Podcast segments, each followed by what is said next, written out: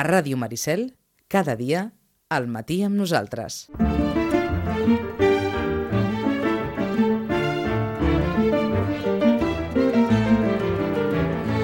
11 i 16.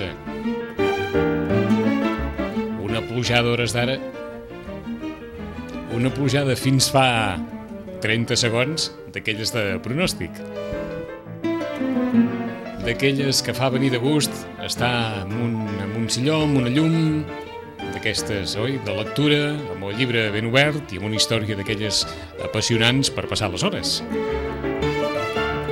I si el llibre fos electrònic, a que sembla que la Fira de Frankfurt en va ple. I ja ho saben que de tant en tant hem anat deixant l'am a la Rosana Lluc i parlàvem d'això, de llibres electrònics, de sistemes d'incompatibilitats, totes les que vulguin, eh, en fi, però com que no es parla d'altra cosa que no sigui de la presència gairebé immediata de, de l'aterrada de tots aquests dispositius que, que permeten llegir a través d'una pantalla. Alguns escriptors ja s'han posicionat, en Sergi Pàmies diu que de cap manera llibres electrònics que els llibres de, de tota la vida, altres diuen que això els atrau, els crida una miqueta l'atenció, en fi. I altres diuen que fins que no hi hagi els llibres de debò, aquells que quan surten ja els pots anar a comprar, no haver-se d'esperar vagin a saber quan fins que aquests llibres no puguin ser llegits a través d'un dispositiu electrònic, doncs no els crida massa l'atenció. Abans que llegir el Quijote o abans que llegir la, la Ilíada o una obra d'aquestes per les quals els drets d'autor ja han caducat, encara que siguin clàssics de tots els temps, doncs no els, no els crida prou l'atenció.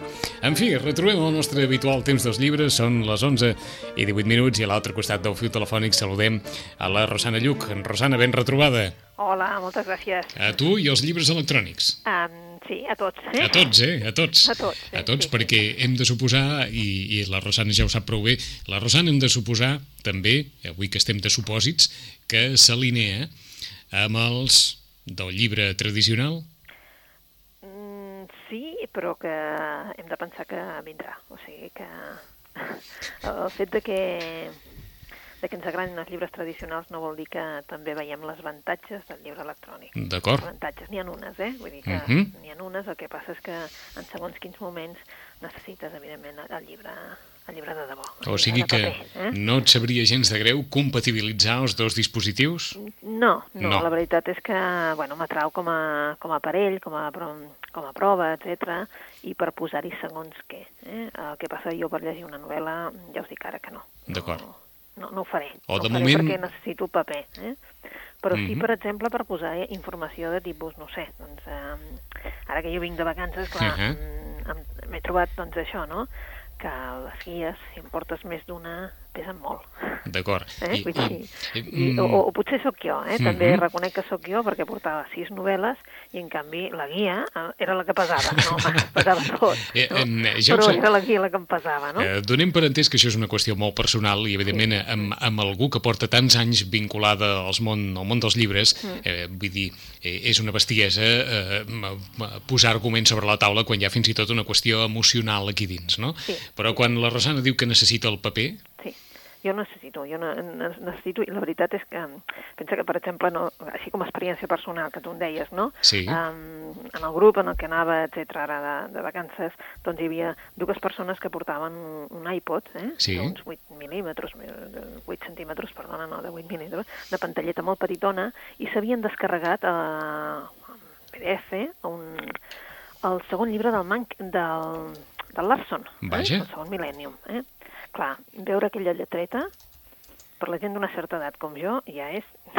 Vaja, jo, malgrat que porto ulleres per llegir, Mhm. allò era infernal. però els llibre, infernal. eh, tot i que els llibres electrònics, Rosana, tenen Sí, una pantalla bastant més gran, la eh? lletra, etc etc. I tenen sí, una pantalla però... més gran de superfície que, que l'iPod, Sí. en, en principi, o sigui que es pot Exacte, veure una mica més La de... pantalla és més gran, Ah, el això llibre electrònic és més gran, Mhm. tu pots agrandir la d'això, pots eh, fer la, la, el full més petit, més gran, la lletra més gran, un cos de lletra més gran, però també us haig de dir que quan tu poses un cos de lletra més gran, jo, mm, que suposo que no hi estic acostumada, Mhm. um, saps? Llavors em balla tot. D'acord, és a Em dir, balla en el perds- sentit de dir, on la Mhm. frase, jo la necessito. D'acord, perds, perds aquella proporció Sí. de, la, de la vista Sí. eh, que permet, diguem-ne, trobar les Sí, sí. frases i El que, el contextualitzar-les. que ho ha provat, el que ha D'acord. un llibre electrònic a les mans, sap, sap què li estem dient, no? El que passa que també reconec que, que és una altra generació, que nosaltres no som, la gent de la meva edat, eh, som gent que, que tots utilitzem mm -hmm. tots els mitjans de comunicació, internet, el, tot, tot el que tu vulguis, eh? Facebook, tot el que tu vulguis, però que malgrat tot encara no és el nostre... No? Vull dir, la generació que ve darrere està molt més avasada en, en tot això. Una qüestió, però. Mm. Tenim aquella sensació que eh, els fabricants de llibres electrònics mm. tenen com a objectiu prioritari satisfer als lectors de llibre en paper amb dispositius que d'alguna forma intentin adaptar-se al màxim possible al que seria la, la visió o la contemplació d'un llibre tradicional a l'hora de passar les pàgines, a l'hora de, de presentar-ho en una pantalla que no fatigui la vista i que dongui sí. aquella sensació que, que s'assembla un paper imprès, eh, totes aquestes coses, sí, no? Sí, perquè saben que és que el lector o lector, no? el que mm -hmm. compra les novel·les, etc, és aquest tipus de lector. D'acord. És el que, el que realment està gastant diners amb això, mm -hmm. amb aquest tipus, no? Perquè eh, això, crearà, això crearà nous lectors o no ho creus? No. No jo no, jo no crec que creïn els lectors. Eh? Sinó que seran els, a les persones a qui ja els agrada llegir Exacte, que es poden eh, apuntar a aquesta...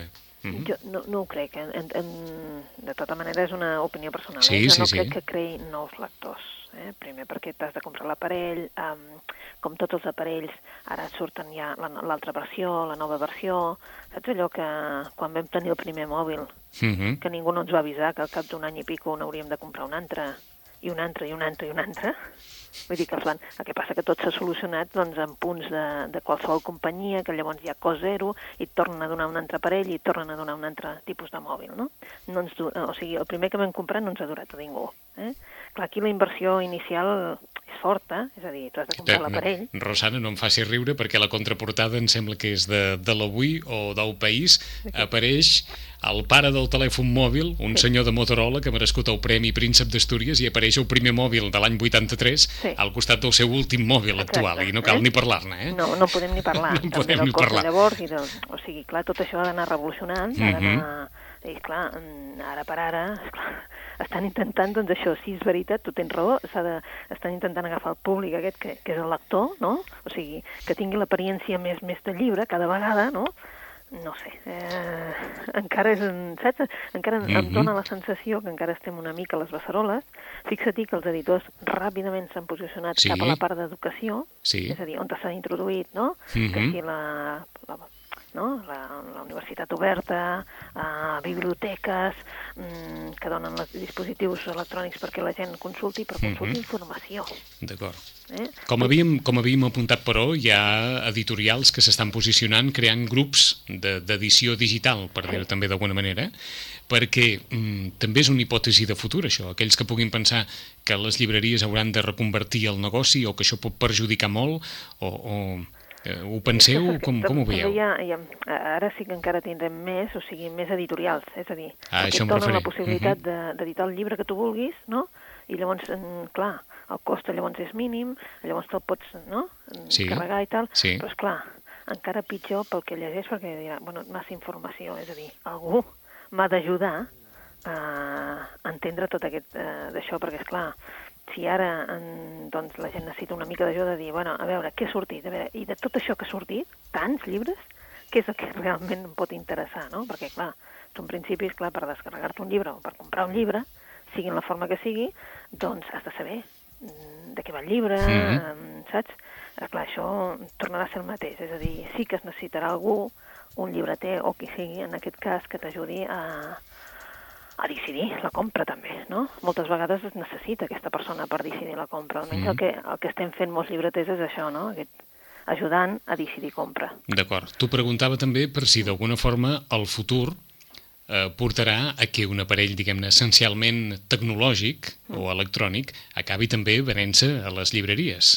Sí, sí, sí, sí. Això és el que s'està també saps, intentant. El que passa que sabem que tot aquest tipus d'aparells a les llibreries mm, no podem competir.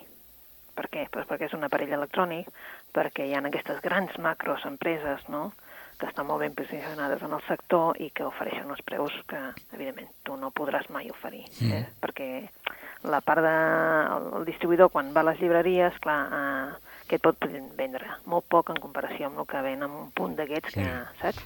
Que tenen ja el seu públic que ja hi va per veure què hi ha de nou. Mm, Ara ens vindria també una altra qüestió d'aquelles, que hi ha de màrqueting i que hi ha de literatura aquí. Uh, bueno, això també és una qüestió llarga, eh? D'acord, d'acord. Ja llarga, eh? Perquè tenim Eh, aquella sensació que per aquest Nadal molt probablement serà ja la primera prova de foc de desembarcament de, de dispositius eh, a, a molts llocs i no deixa de ser, la tecnologia ja se sap que sempre genera un magnetisme Sí. i, un, i un poder d'atracció important. Exacte, no? és, és això, no? És la curiositat La aquesta curiositat, de dir, bueno, no? a veure què, i, què hi puc fer jo aquí, eh? El que passa que de moment, és clar, se n'està parlant molt, eh? Se n'està Molt, parlant això molt. per, diríem que no ens pensàvem que se'n parlés tant, però en canvi se n'està parlant molt i sobretot arran de- d'aquesta fira de Frankfurt i del desembarcament el passat dilluns del, del Kindle, d'aquest dispositiu d'Amazon que té un, un llenguatge específic, per dir-ho d'alguna forma, Sí, molt poc compatible, Exacte, i llavors ho has de comprar amb ells. ho has de comprar amb ells, sí, sí. Hi ha Això- subscripcions, això- diguem-ne, a, a diaris i a diaris en,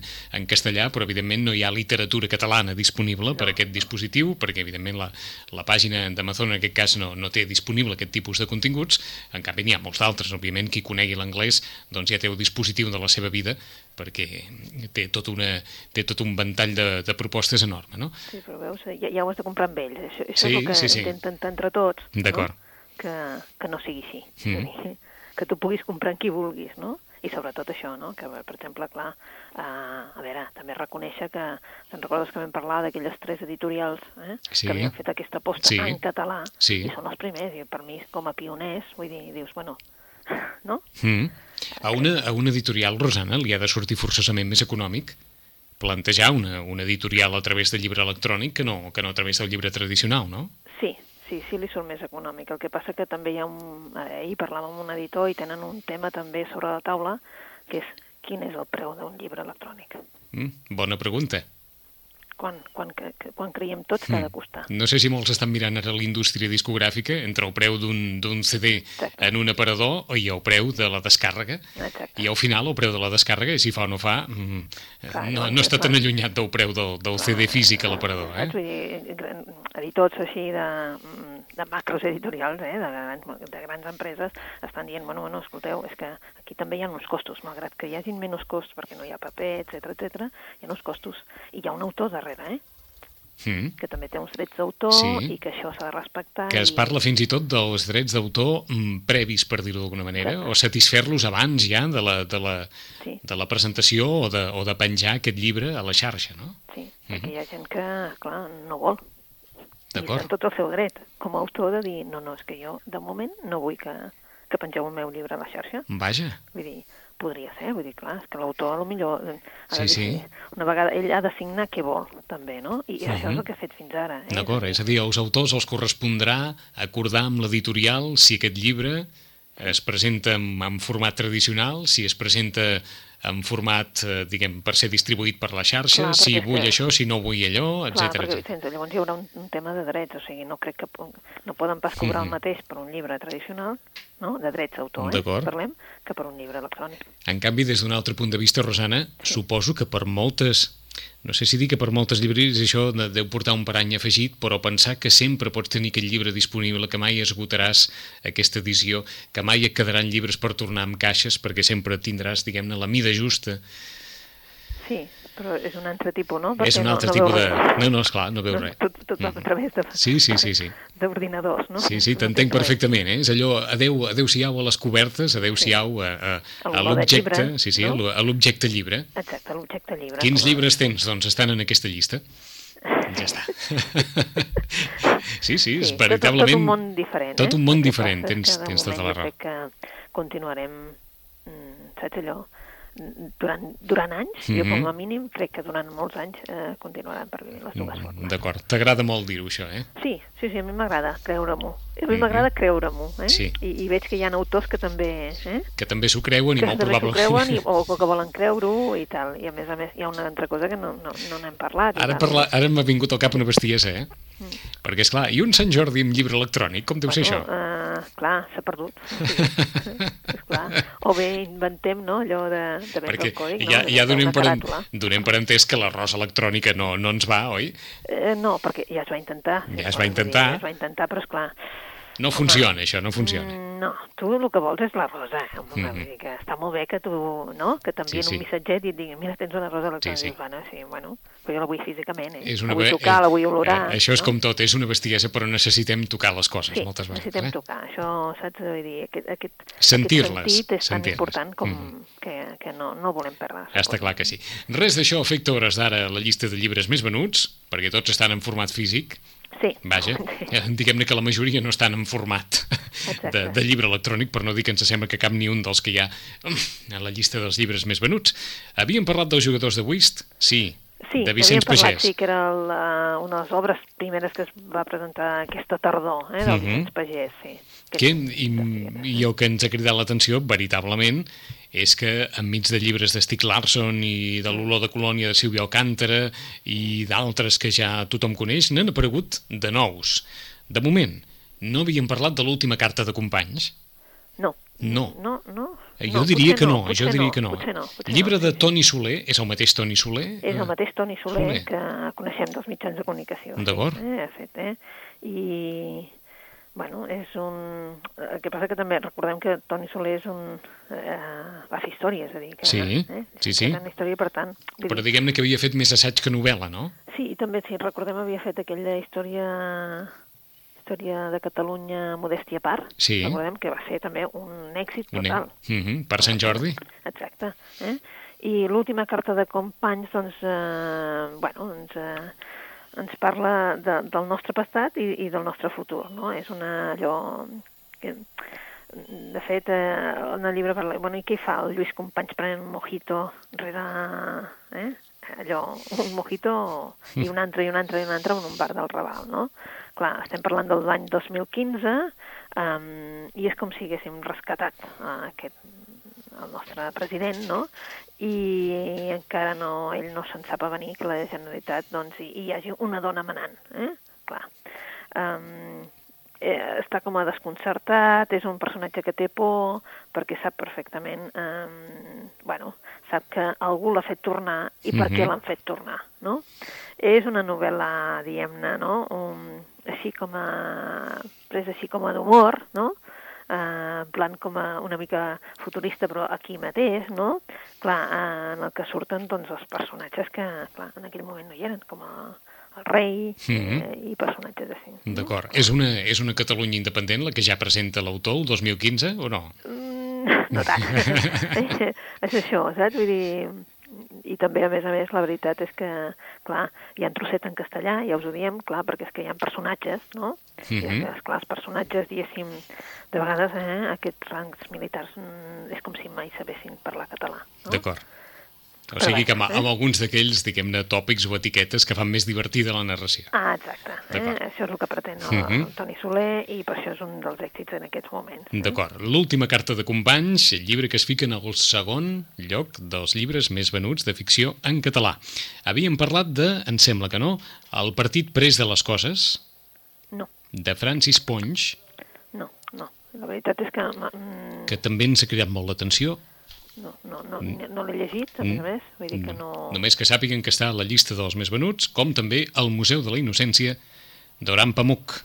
Sí, aquest, eh, bueno, aquest, eh, la veritat és que l'Oran Pamuk eh, cada vegada que treu un, una novel·la o, o, o un llibre, perquè hauríem de dir que, que la, la darrera que coneixem així com a, com a gran èxit, si recordeu, va ser que després de rebre un Nobel Sí. va, va publicar Estambul. Mm. Estambul va ser també un dels èxits, malgrat que allò era un recorregut molt personal i a través de, de diguem-ne, a nivell més aviat autobiogràfic doncs, de, de la seva ciutat, d'Estambul, no?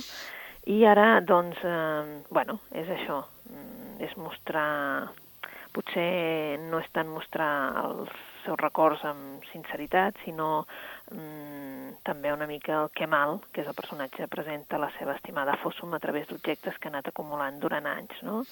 I, en definitiva, ens explica una història, una història d'amor i la primera, d'aquella primera persona que va marcar la seva vida. Mhm. eh? Bueno, és una, una història d'aquestes en què hi ha una jove de bona família i poc abans de prometre's retroba casament, eh, casualment així, una parent llunyana i pobra treballant de venedora en una botiga elegant. Eh? D'acord. I com era de preveure, Heining Mankel en el número 1 de la llista de vendes en ficció en castellà, El hombre inquieto. Sí, i està en castellà en la llista de vendes perquè en català doncs, sortirà al novembre. Eh? Vaja. En la qual cosa... Ei, l'editor ens ha fallat amb això, eh? Escolta, més que la llista en català, Stieg Larsson ha baixat, eh? Ha baixat sí, posicions, sí. al número 3, al número 4, i després l'altre Stieg Larsson, els homes que no estimaven les dones, però és clar porta 67 setmanes, està en el número 9, o sigui que... És, és això que tu dius, no? Esclar, ja porta molts, moltes setmanes. Uh -huh.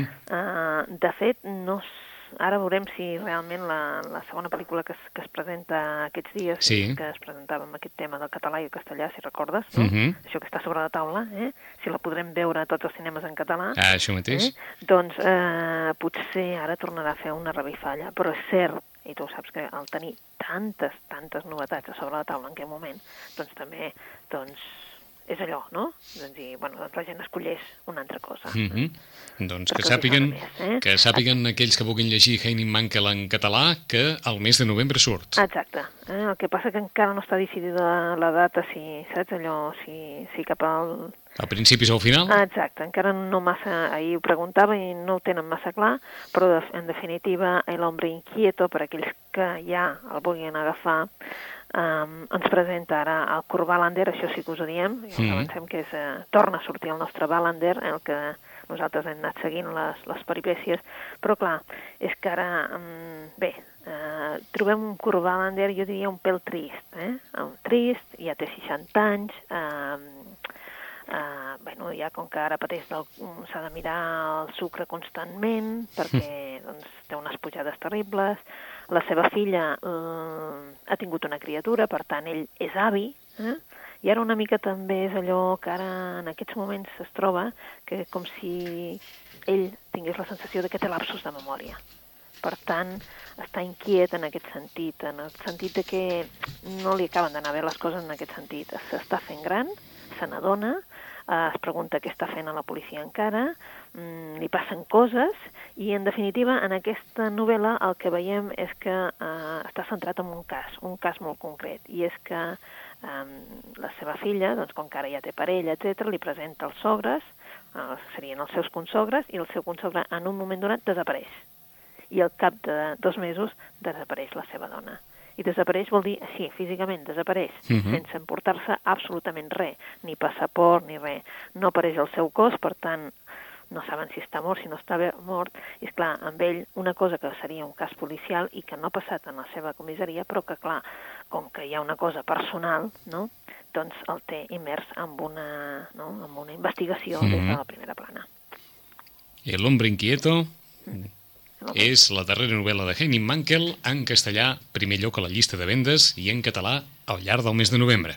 A veure si en eh, la propera trobada amb la Rosana podem ja més o menys assenyalar una data una data concreta.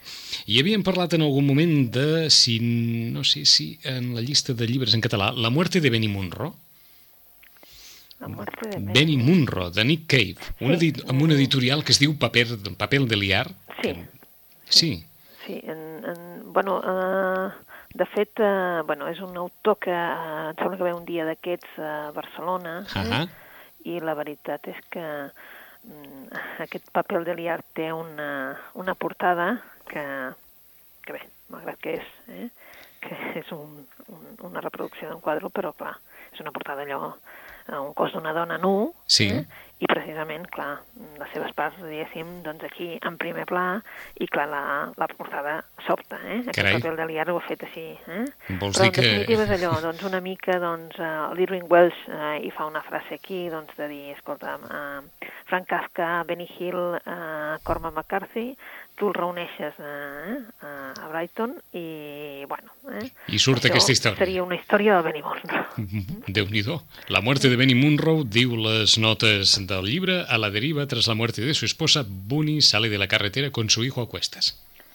Sí. Així queda aquest, eh, o així s'apunta la història que és hores d'ara en el número 8 en la llista de vendes en castellà. Alguna recomanació per avui, Rosana?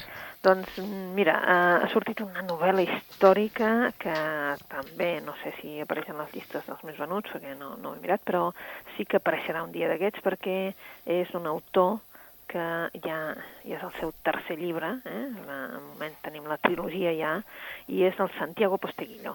Mm. Es diu La traïció de Roma. Eh? I la veritat és que és una d'aquelles que, sense voler, s'ha fet un lloc en les llistes dels de, long sellers. Eh?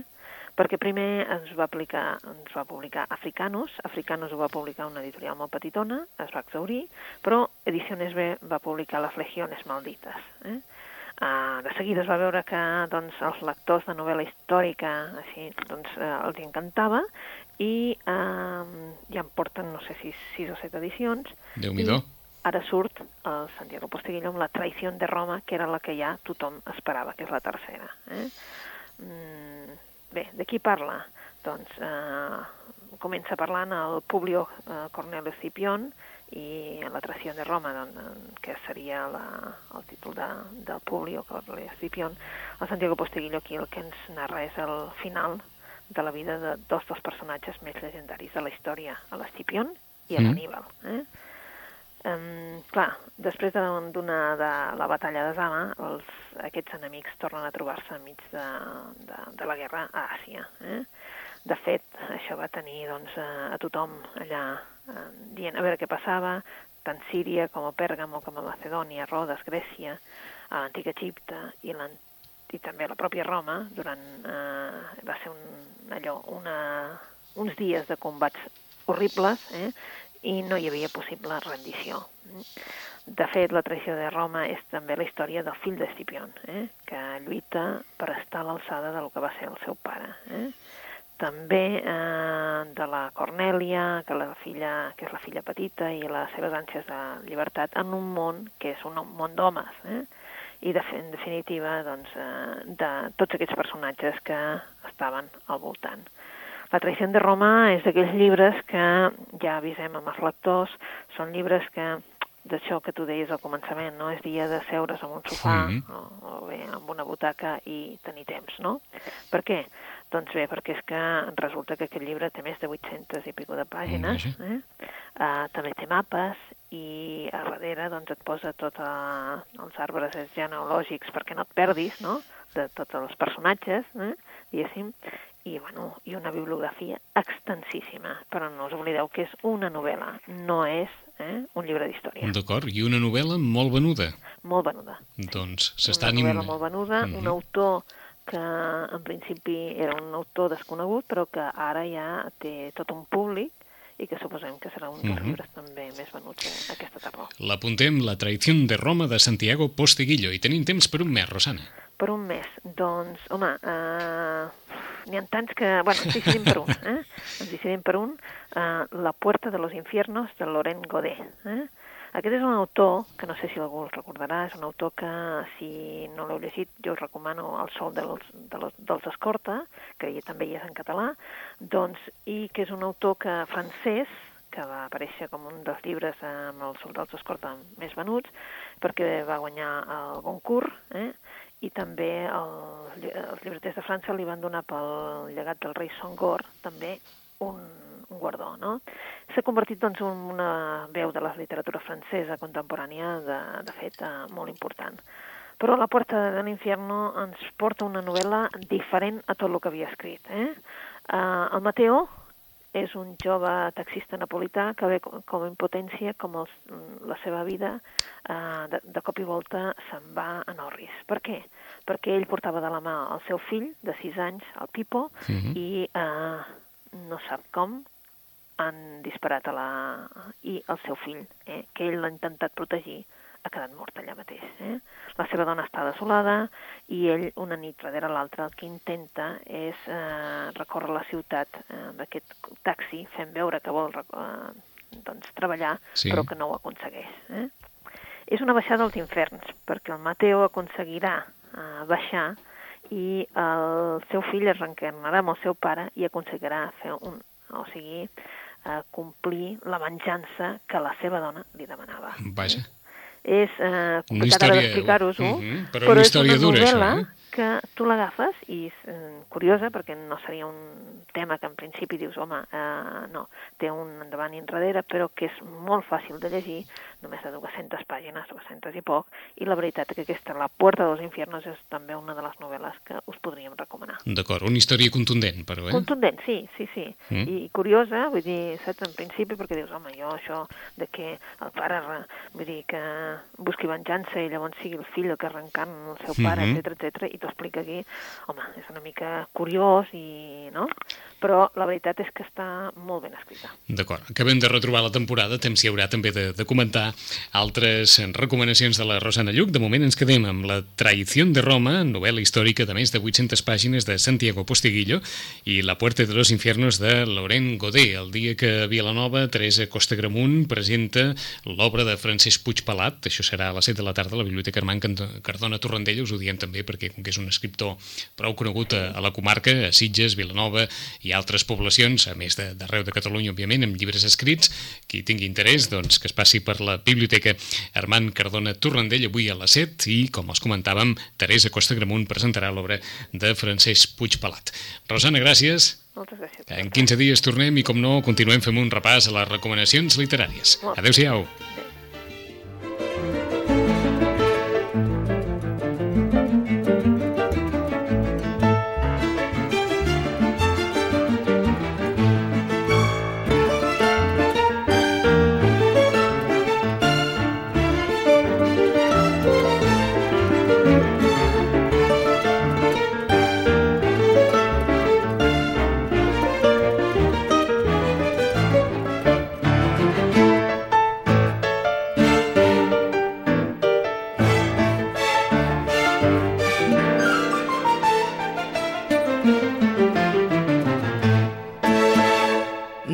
Maricel, 107.8 FM.